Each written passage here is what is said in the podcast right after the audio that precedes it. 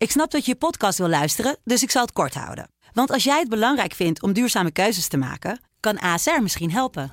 Nou hoor ik je denken, hoe dan?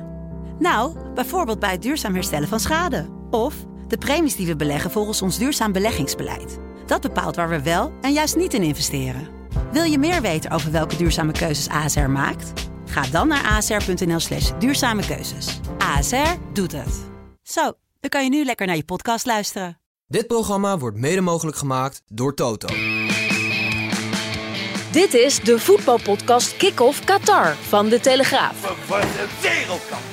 Met chef voetbal Valentijn Driessen, oranjevolger Mike Verwij en Pim CD. Waar jij het altijd over hebt in je, in je krantje.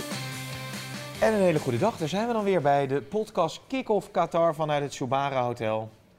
Hè? Op naar een nieuwe week. Ben jij vandaag nou net zo afgesminkt als Amerika gisteren? Ja. Nou, daar komt het wel op neer, ja. dat Ja. wel. Ja. Vertel je belevenis. Nou, dat, Belevenissen. dat is... eh, ja, nee, dat was wel wat, ja. Nee, we- morgen is natuurlijk pakjesavond, hè? Vanavond. Nee, vanavond is 4 december. Oh. Ja, Vier jij altijd pakjesavond op 4 december? Nee, maar er zijn ook een heleboel mensen die morgenochtend luisteren. Dus voor de mensen die vandaag luisteren is morgen pakjesavond. Voor de mensen die morgen luisteren is vanavond pakjesavond. 5 december voor de En aangezien, kijk, hier is natuurlijk, ja, ontbreekt natuurlijk dat echte Sinterklaasgevoel. Dus dat hebben wij een beetje eh, erin Ja? gebracht hier in eh, Doha. Waar kunnen we dat zien? Op een film, filmpje, een reportage op eh, telegraaf.nl morgenochtend. Ja? Begrijp ik geen Ben peper. Vijf heel december. erg werden pepernoten uit, eh, uitgedeeld. Eh, de immigranten die vonden het ook allemaal helemaal schitterend. Die hadden allemaal met Sinterklaas op de foto. Er Ja? kwam nog een Keniaan en die zei, oh you're good, you're a Christian. Maar het kruis, dat was eraf. Nee. Dat, ja, dat, daar kunnen mensen toch Bewust? afstoot aan nemen. Ja, ja, dat Hebben jullie bewust. bewust eraf gehaald? Of? Ja, ja, met een hele aardige man eh, gedraaid. eh. Eh, oh, dat kan ik natuurlijk niet zeggen, want we hebben ook hele jonge luisteraars natuurlijk. De, de hulp Sinterklaas, die... eh, Hier in Qatar. Dus God, hier, in Qatar is de, hier in Qatar is een hulp Sinterklaas. ja, de hulp Sinterklaas uit Qatar, die, eh, die wist precies hoe hij zich eh, ja, moest kleden. En hoe, hoe was zijn En zijn Arabisch? vrouw was er ook, eh, was er ook bij en die was de Doha Piet. En ik was de Kletspiet.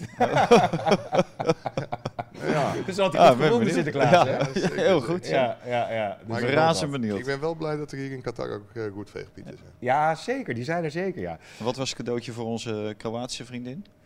Daar zijn we niet langs geweest. Ken je dat? Nee. Nou, dat was een Nee, centimeter of nee, Een, eh, eh, BH. Geen, BH, eh, bikini. niet eh, met de roe. Niet met de roe. Hè? Niet met de roe. Nee, Over het niet, knietjes en dan eh, met de roe. Nou, we hebben Nee? wel iemand, heeft wel nog iemand op de knietjes van Sinterklaas gezeten, maar dat was een, eh, een hele grote, Woutertje. zware man. Dus Sinterklaas wil dat wel een beetje tegenvallen. dus die keek er, die keek er zo serieus bij, die, man. die, die zak- zakte bijna ineen.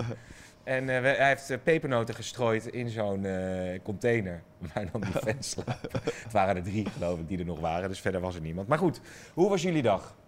Ja, leuk. We zijn bij het Nederlands elftal geweest. En dat is de dag na een overwinning altijd eh, wel een hele leuke training. Ik heb vooral in de tent zitten tikken en Va- Vaanten heeft gekeken. Nee, was, was zeker. Eh, Het is altijd leuk om de reserves te zien. En je, je ziet nu wel steeds meer een verschil eh, groeien tussen de reserves en de, de jongens die in de basis eh, spelen. Die, die reserves hebben toch moeite, eh, op een enkeling na natuurlijk, eh, om ook dat niveau vast te houden. En dat kan ik me ook wel voorstellen als je bijna geen wedstrijden speelt. En dan moet je toch dat niveau vasthouden. En eh, dan, dan vallen de spitsen vallen op in negatieve zin. Ja. Hè, eh, Luc de Jong, Weghorst, eh, vooral Vincent Jansen. Ja, daar, daar word je niet echt warm of koud van. En dan denk je niet, nou dat zijn nou de spelers die gaan dadelijk even het verschil maken. Als het noodzakelijk is om Mhm.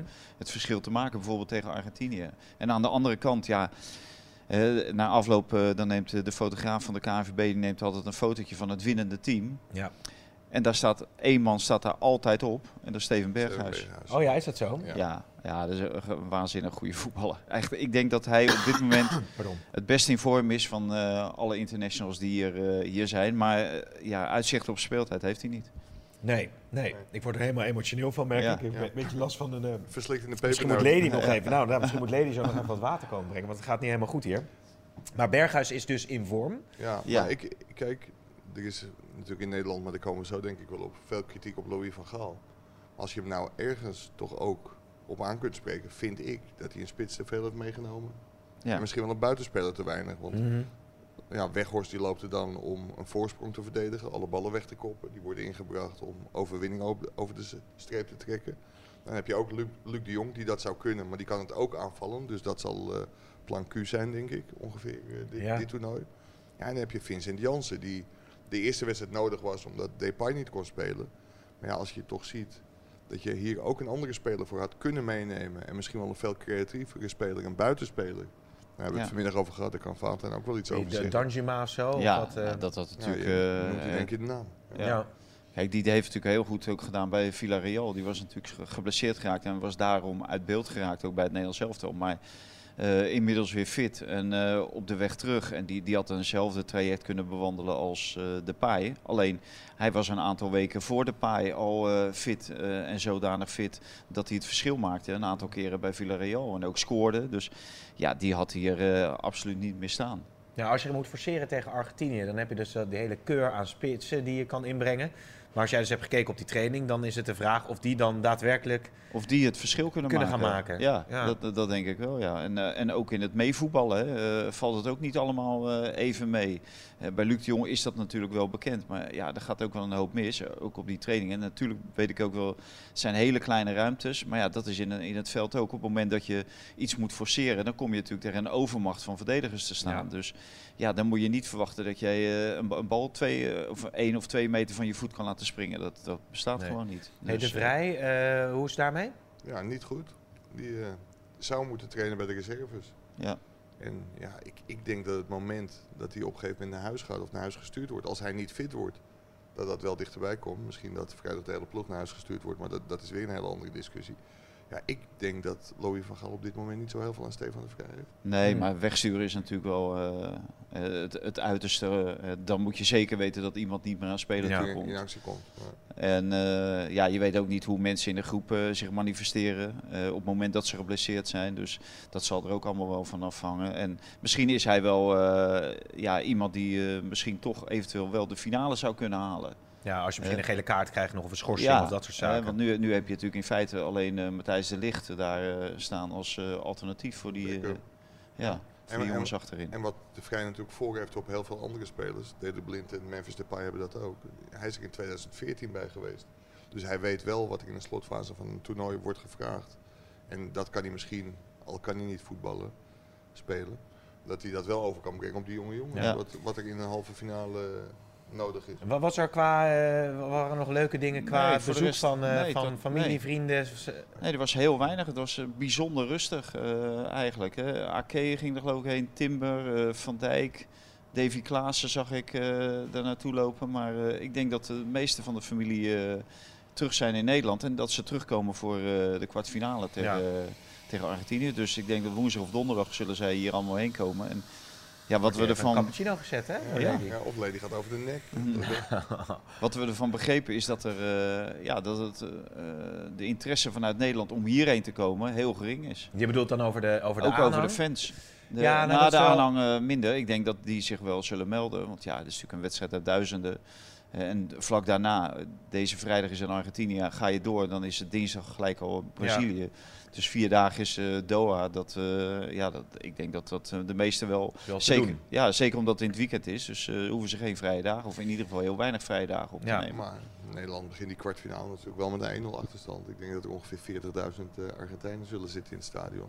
Ja, ja daar, daar, daar geloof ik nooit zo in, Mike. Die, die 40.000... arbeidsmigranten. Die, die, nou ja, maar die, die zitten in het stadion, maar die staan niet op het veld. Daar is het gewoon 11 tegen 11, ja. En Ja, deze jongens is, eh, zijn natuurlijk... koe, hè? Ja, deze jongens zijn natuurlijk wel wat gewend. Die, die raken niet meer onder de indruk van, eh, van, van eh, 20.000 of 30.000 Nou ja, Dat is het. de, de twaalfde man, Oh, het wat, is er legioen, nou de lekkerder, kolkende wat is er nou lekkerder dan dat iedereen tegen je is? Er Ja, is ja, toch dat geen fijner gevoel? dat dat lekker ja. Ja. Ja, dat is een Ja. beetje jouw hele Ja. levensmotto, Ja, geloof ik. ah man, Lukt dat is toch vrij heerlijk, joh. Oké, nou laten we dan maar even de Maar stellingen... ik, ja? nou, je vroeg of er nog wat leuks was. ja? Kijk, de les is wel de les van Australië-Argentinië. We spraken Søren Lerby, die bij, eh, bij PSV, Ajax, Bayern München heeft gespeeld. En natuurlijk ook, eh ook eindtoernooien heeft gespeeld, ook mondiale eindtoernooien. En die kwam met een fantastische tip voor Oranje. Misschien een leuke kop voor de podcast. Mhm. Maak Messi niet boos.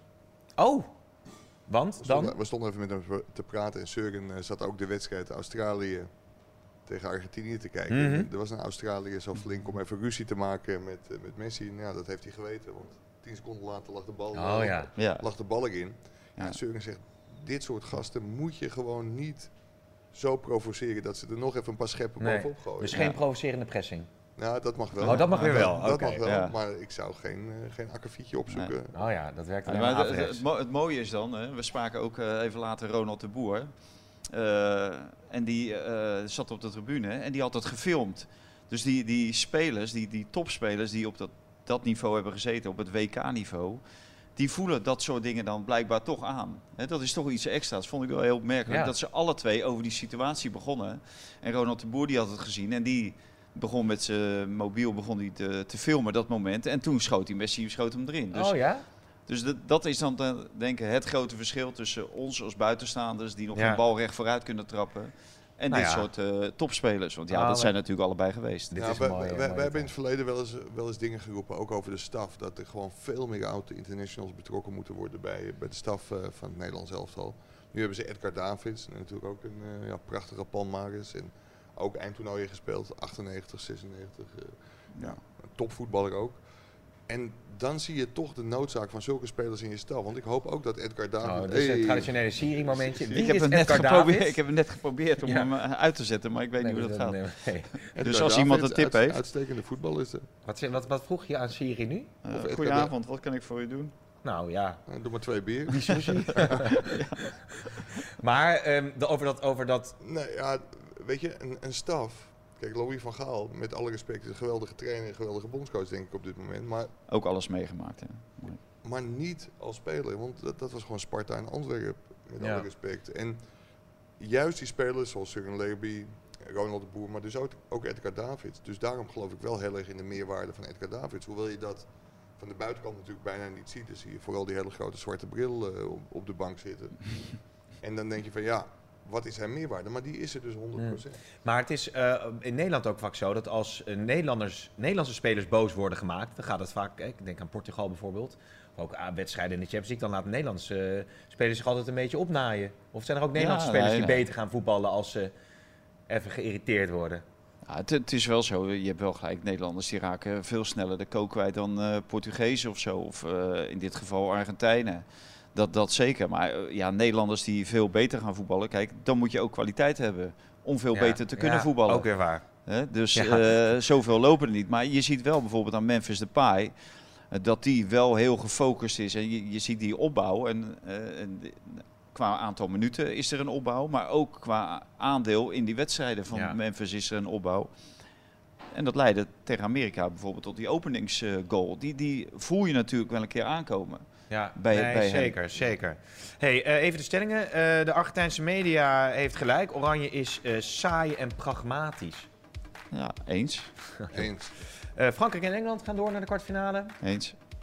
Maar ja, dit wordt mo- morgenochtend. Ja, ja. Eens.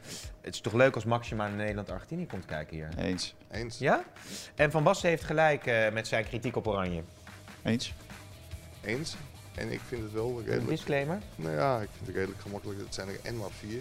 En, Ja. en, en de eerste en de vierde die... Nou, ik heb dit heel he- snel... Heeft gelijk. Dat is, Ik, ik, nou, ik was om eh, vijf voor zes in het hotel. En toen belden nog twee Oranje-fans op die met Haya-kaarten zaten te klooien. En eh Terwijl er van wordt het ene gezegd... naar het andere hotel moesten. Terwijl er wordt gezegd dat eh, de Haya-kaart dat het veel makkelijker eh, Nee, open. dat, wordt, valt. dat wordt makkelijk, maar schijnt, dat heb ik zelf Je niet hoeft geen kaartje meer te hebben voor een wedstrijd Nee. om toch in aanmerking te komen voor zo'n Haya-kaart. Maar wat zij vertelde is, en dat hebben wij natuurlijk ook gehad, dat je hotelverblijf en je, je tickets of accreditatie gekoppeld is aan je Haya-kaart. En als je dan naar een andere accommodatie wil, dan moet je dus een, een wijziging in dat, dat Haya-kaart eh, moet je dan aanbrengen. En dat Ja. schijnt heel lastig te zijn. Dat zijn enorme formulieren en als je dan iets verkeerd invult, Ja. word je weer terugverwezen en dan moet je een nummer bellen. En nou ja, daar zijn ze drie, vier uur mee bezig geweest vandaag. En wat adviseer jij mij dan nu? Want volgende week, eh, ons hotel eh, ja, wij is zijn geboekt eh, tot nou, de dat wordt- 11e. Dat wordt Container Village. Volgende week eh, zondag. Dan Dus wordt of het containerkamp of twee fans daar, slapen heb- daar heb je geen Haya-kaart voor nodig voor de containerkamp. Nou, misschien dat er bij iemand op de grond kunnen slapen. En dan... Maar ze zeiden ook wel van ja, je kan wel bij mensen gaan logeren. Maar dan ben je eigenlijk illegaal. Want ze willen, hè, dus dan zit je niet meer in dat systeem. Ja, dan als je dan bij iemand logeert en het wordt gecontroleerd, dan krijg je misschien ook weer gezeik. Nou, ik heb mijn Haya-kaart tot 19 december gezet. Ja. Ja, maar wij ook, weet ik het Ja, niet. wij ook allemaal. Oh, oké, maar wel hier aan gekoppeld, aan dit hotel. Maar tot, Aan dit elf- groep. tot 11 december. En Hebben we een hotelkamer, Ja, zeg als maar. Nederland naar de halve finale gaat, dan boeken we met alle plezier en alle liefde bij. Ja, wij willen hier gewoon in dat Subara Ja. Hotel We hebben ook nog drie kamers tot en met de finale. Maar er zitten dus twee Nederlandse fans nu in dat Industrial Village, waar wij dus die reportage met Ja. de migranten hebben gedraaid. Ja, ja. Dus vroeg eh 100 euro per nacht. Kost dat dan? Oh ja? Ja. Wat, 100 euro? Oh, eh, 100 supporters. euro. Ja. Voor supporters. Ja, Ja, ja, ja. ja, met op een En hoe heet dat andere village daarnaast ook weer? Eh, Asian City heb je dan ook. Oh ja.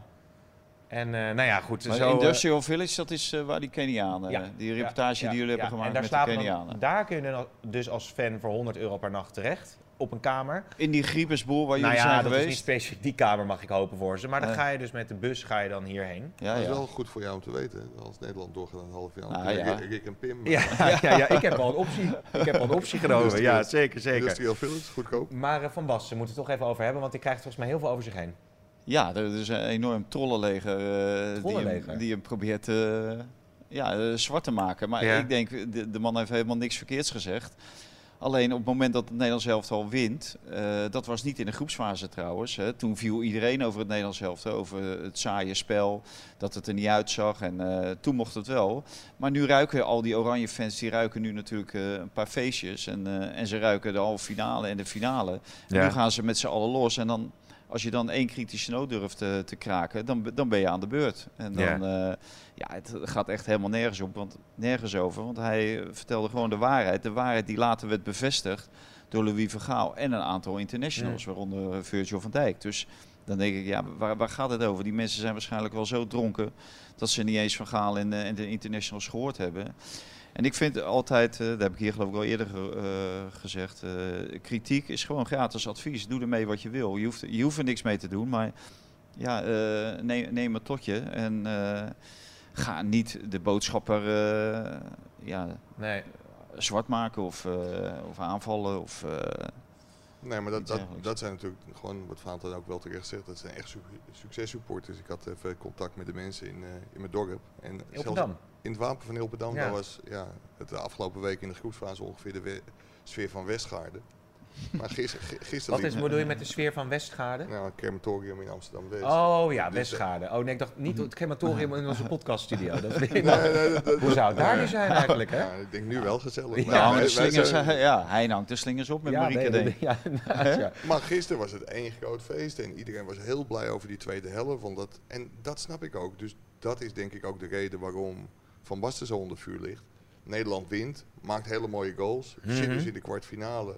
En de tweede helft was een stukje beter. Er zaten echt wel aanknopingspunten in. Die had in ieder geval een veel hogere amusementswaarde dan alle helften in de, in de groepsfase bij elkaar. En zeker ook de eerste helft tegen Amerika. Dus nu is het opeens de Polonaise lopen. Ja, totdat ze verliezen van Ja. Argentinië kansloos. En dan eh deugt er weer helemaal niks. Maar even als eh, feestruikende, even opkomend voor de feestruikende Nee, oranje shirt, fans. shirt van. Oh, ja, ja, precies. Jezus. Maar die, nou ja, goed, het zal allemaal. Ehm, die hebben we gisteren wel wat mooie acties gezien. Die hebben een mooie doelpunt gezien, de 1-0. Ja. Die hebben eh, wingback op wingback gezien. Er, er waren meer mooie aanvallen dan in de eerste wedstrijden natuurlijk van het nou Nederlands ja, dat zeker, maar dat is natuurlijk heel logisch, omdat er heel veel ruimte kwam. Omdat het Nederlandse elftal eh, kwam na, volgens mij drie minuten, Mike, eh, kwamen ze met geluk vrij. Hè? Door, door Noppert die die bal hield van Pulisic. Daarna scoor je zelf heel snel, dus dan moeten die Amerikanen wat komen. Dat heb ik gisteren ook al verkondigd. Bij die 2-0 is het Ja. helemaal zaak om eh, vanaf eh, de eerste minuut in de tweede helft vol eh, voor, voor de aanval te gaan. Ja, en dan ontstaat er ruimte. Maar dat neemt niet weg dat ook in die tweede helft het Nederlands elftal natuurlijk toch wel een paar eh misses maakte. hè. De paai die een, bal verkeerd afspeelde, waardoor er een kans ontstond. De paai die de, ook de bal verloor, waardoor indirect ook een goal uit, eh, uitkwam. Dus ja, er waren ook best wel kritiekpunten, ook in de tweede helft. Het niet scoren van bijvoorbeeld een, een vierde goal Ja. door, door Bergwijn. Dus ja, het was echt nou, nou, allemaal niet zo ronkend eh, als eh, door iedereen wordt beschreven. Ook die tweede helft niet. Ja, maar Wat ik heel erg zorgelijk vond, is dat, ook na die tegengoal, die viel echt uit de lucht. Want die jongen weet Ja. echt niet hoe hij die gemaakt heeft. Alleen wat, wat er dan gebeurt, en dat gebeurde tegen Ecuador ook, dan is Nederland het helemaal kwijt. En ben je tegen Argentinië ben je tien minuutjes kwijt. Dan liggen er waarschijnlijk drie in. eh. Ja. Dus dat dat ja. vond ik wel. En dat duurde gelukkig niet zo lang, want na vijf minuten scoorde Nederland alweer. Maar dat was, vond ik ook wel heel zorgelijk. Ja. eh, Hoe Nederland instort. Ja. Nee, hartstikke goed, eh, jongens. Waar, waar, verder nog, wat wou ik nou zeggen? Oh, je hebt Frenkie de Jong natuurlijk gisteren over gehad. Hoe liep die erbij vandaag? Nou ja, die, die hoefden niks te doen, want eh, die doen een beetje oefeningetjes. Beetje en vervolgens gaan ze een beetje in Ja. de zon liggen. En morgen vrijdag. En, ja, Ja, voor- maar over, over die Argentijnen Ja, nog even. Eh, Ja? die, eh, want daar ging het natuurlijk wel over. Die Argentijnen spelen normaal 4-3-3, zeg maar. Mhm. Maar ik denk dat die, die zich gaan, eh, gaan aanpassen. Want je zag in de slotfase al dat ze in feite met vijf achterop gingen voetballen. En dat leek wel een voorbode voor de wedstrijd tegen Nederland. Want Oh. al- als je met vier achterop, dan maak je jezelf zo kwetsbaar tegen onze wingbacks. Ja, eh, tegen Dumfries en, eh, en Daley Blind. Dus maar die wedstrijd acht jaar geleden, dat was natuurlijk ook... Ja, ik weet niet of ik het woord helemaal tergend mag gebruiken, maar Ja. hoeveel kansen hebben we daarin gezien in die hele wedstrijd? nee, weinig tot nul. En dat duurde die wedstrijd nog 120 minuten. Ja, dus dat is nog maar de vraag of je dan nu weer zo'n wedstrijd gaat Ja, krijgen. nou ja, dat, dat zou zomaar kunnen. Aan de andere kant, ja, het kan er wel een gevecht worden op het moment dat er een van die ploegen eh, snel scoort. Door een foutje of door een mooie aanval. Dus dan kan je misschien wel eh, iets verwachten. Maar voor hetzelfde geld wordt het inderdaad weer zo'n schaakwedstrijd van eh, wat Vergaal natuurlijk al aangaf bij Qatar. Met eh 5-3-2 tegen 5-3-2. Ja. Ja. Alleen ja, dan loopt wel Messi er. Maar ik moet eerlijk zeggen, ja, natuurlijk heeft hij geweldige momenten. Maar als je die eh, momenten kan beperken of zelfs uitsluiten, dan loopt er bij, of, eh, bij Argentinië niet veel rond wat je, waarvan je onder de indruk van moet Nou, zijn. je had het toch over die spits? Die spits was wel aardig, ja. Dat is een spits van Manchester City.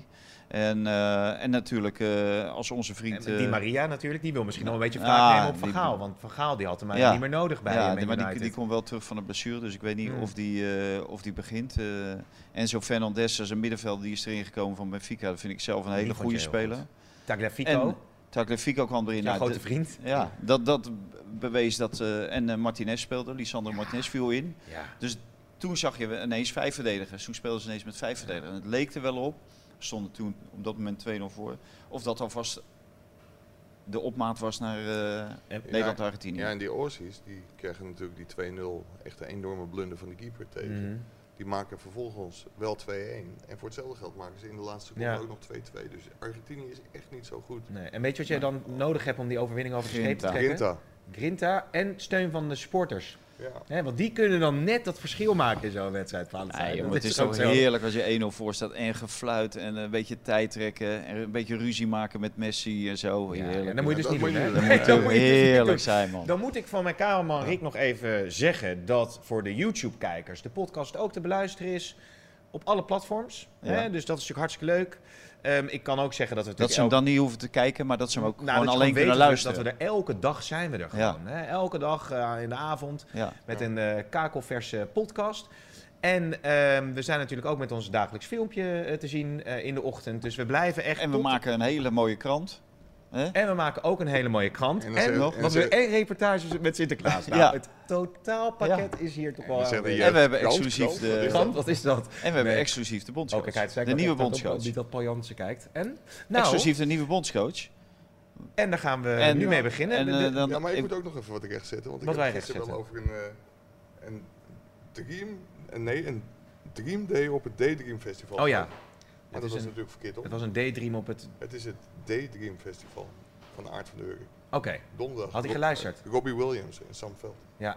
maar eh, moet- mensen, eh, jullie eh, maken die krant belachelijk, maar dat is natuurlijk de kurk waar alles op drijft, nog steeds. Nee, helemaal niet. joh. De krant is de basis. Dat is, dat Juist, is, dat is, heel goed. dat is maar dat- die ja, moet is morgen echt gelezen worden, want het fundament, nou jij het erover hebt, het fundament van het succes hier op dit WK is. is gelegd door eh, de man die zo weer eh, aan de bel hangt. Ronald Koeman, Nou. de oud-bondscoach en de toekomstig bondscoach. Is dit Ronald Koeman? Zeer zeker. Dat betekent dat het nu tijd is voor... De kijk van Koeman. Ja. Maar daar kan ik voor de rest Maar niks over even verklappen. Maar Robert Williams of James Last? Daarom zat James. ik in, de, in, de- in die tent te tikken. Verhaaltje Ronald Koeman. Dus Oké. leuk voor de bondscoach. Ja. ehm, de bondscoach. Wat eh, zou je hem willen vragen, Valentijn? Nou, ik zou eh, graag willen weten eh, wie de bondscoach eh, graag een dikke, vette zoen op zijn voorhoofd wil geven. Zoals Louis Vergaal gisteren deed bij eh, Denzel Dumfries.